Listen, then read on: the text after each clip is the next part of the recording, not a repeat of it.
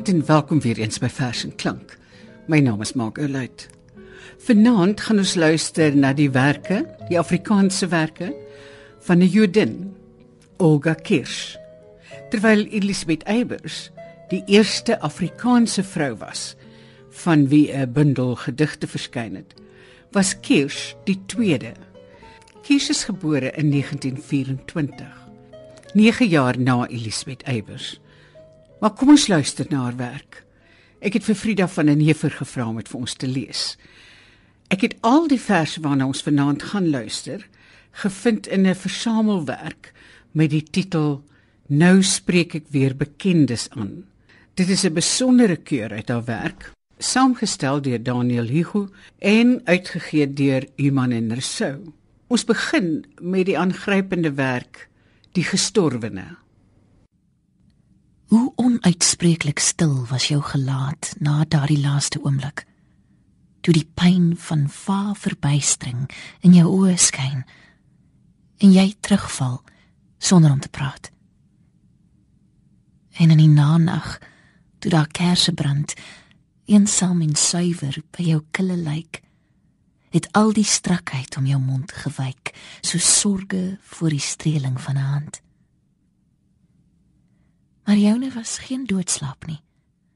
Al het die sagte toonval van jou stem geswyg onder die dorre kluite van die grond. Al wat jou onverganklikheid kon dreig, was dat ons mag vergeet. O, weet dan, met die gang van jare groei ons stil verbond. Frida van der Neever het vir ons Olga Kirse vers die gestorwene gelees. Ons gaan nou luister na 'n ongetitelde vers van haar. Eens lank gelede, want dit voel vir my asof jy eeue weg is, het die nag niks meer gedra as blydskap, as 'n vrag van sterre, die besef van jou en my. Eens lank gelede, ag onwerklikheid, hoe broos was dit. Toe daar in bleekblou lyne die maanlig binnestroom langs die gordyne het ons gedroom van onverganklikheid. Maar nou begryp ek. Daar's 'n ander nag. Of is dit nog dieselfde? Waar die lang maar vingers van 'n soeklig tas en wag op 'n vliegtyg se egalige gesang waar siele die ontlokenheid ons sê en skoon jong liggame gebroke lê. Olga Kirsch het in 1944 gedebuteer. Dit was met haar bundel Die soeklig. Die eerste twee verse waarna ons vanaand geluister het, kom albei uit Die soeklig. En ons gaan nou luister na die vers Illusie. Dit word beskou as haar beste vers uit die betrokke bundel. Kom ons luister. Soms as ek in die silwer skemering stap met oë half toe, want die ligte reën prikkel my wange, dans en trippel trap verby my lippe en om my oë heen, dan sak die stilte in 'n klamme vlaag oor alles. Donkergroen en silwergrys die denne. En ek slaan my jas se kraag hoor om my nek. Daar's iets wat eis dat ek met eens met ligter tred moet gaan met tintelende ekstase in my bloed. Dalk aan die einde van die lange laan gaan ek jou, liefste, eilings tegemoet.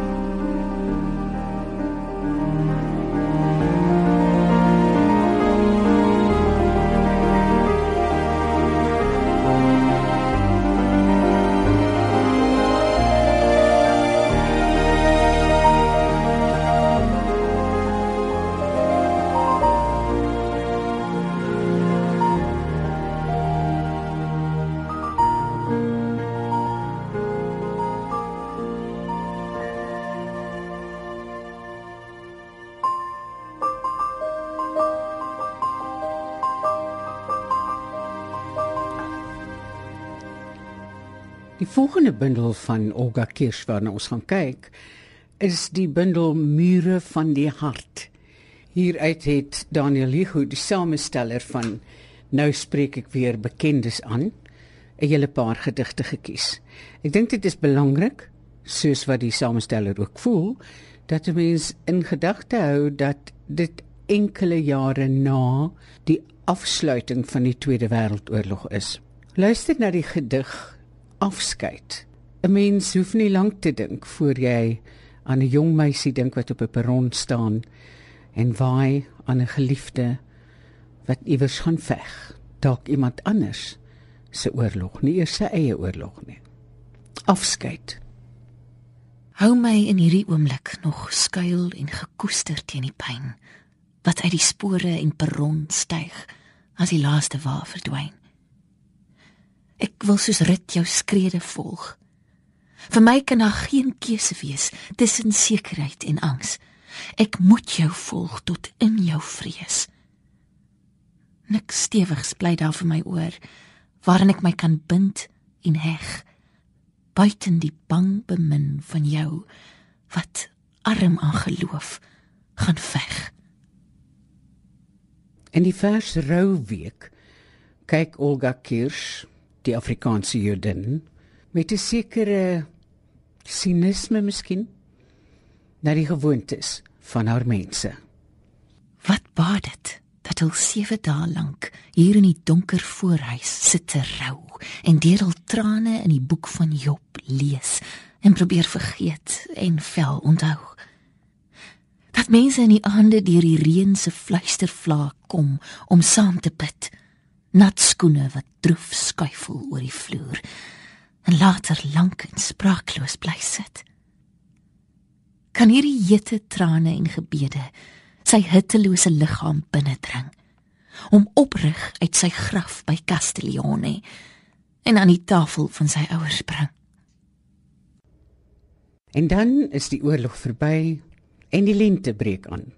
In haar vers Na oorlogse lente skryf sy oor die vreugde van 'n nuwe seisoen vol van groei en lewe. Luister na Na oorlogse lente. Vanjaar breek die lente veller deur as ooit met feesteliker takke, groener groen en blouer hemele, asof sy nooit weer die geskade aarde kan versoen. Genadelike lente, voer my mee op hierdie oerdrang van hernieude krag, dat ek die donker oë mag vergeet wat nooit weer in die lente son sal lag. Olga Kirsch se volgende bundel was by die riviere van Babel. Hier skryf sy aan haar ongebore kind 'n vers met die titel Die erfenis van Israel. En dan is daar 'n motto wat sê by die riviere van Babel daar het ons gesit ook geween as ons aan Sion dink. Ek sal aan jou, my ongebore kind, die hinkerende melodieë leer waarin ons volk van oudsher traanverblind sy weedom uitgeween het tot die Heer. Al die ou liedere se wrang verlange van bannelinge om terug te keer uit die diaspora met vreugde sange na die geile land van melk en heuning weer. En al mag jy later kwesbaar en beskroom heimlik in opstand kom teen hierdie bloed waarin jou volk sy eeue oue droom in donker ongenaakbaarheid behoed. Sal jy ontnugter deur al norse hoon jou erfenis nooit volkome kan verloon. Ons luister na verse van Olga Kirsch wat Frida van der Neef vir ons lees. Die volgende ongetitelde vers het my sterk aangegryp. Interessant is hier 'n reël, voorlaaste reël, die afdraand van die dag is koel. Dit laat mense dink aan die roman van Alba Bouwer met die titel Die afdraand van die dag is koel. Maar kom ons luister na Olga Kirsch se vers. Hoe het dit skielik laat geword? Die oggend was so lank en stil. Die middag ruim en warm en gul. Die afdraand van die dag is koel. Hoe het dit skielik laat geword?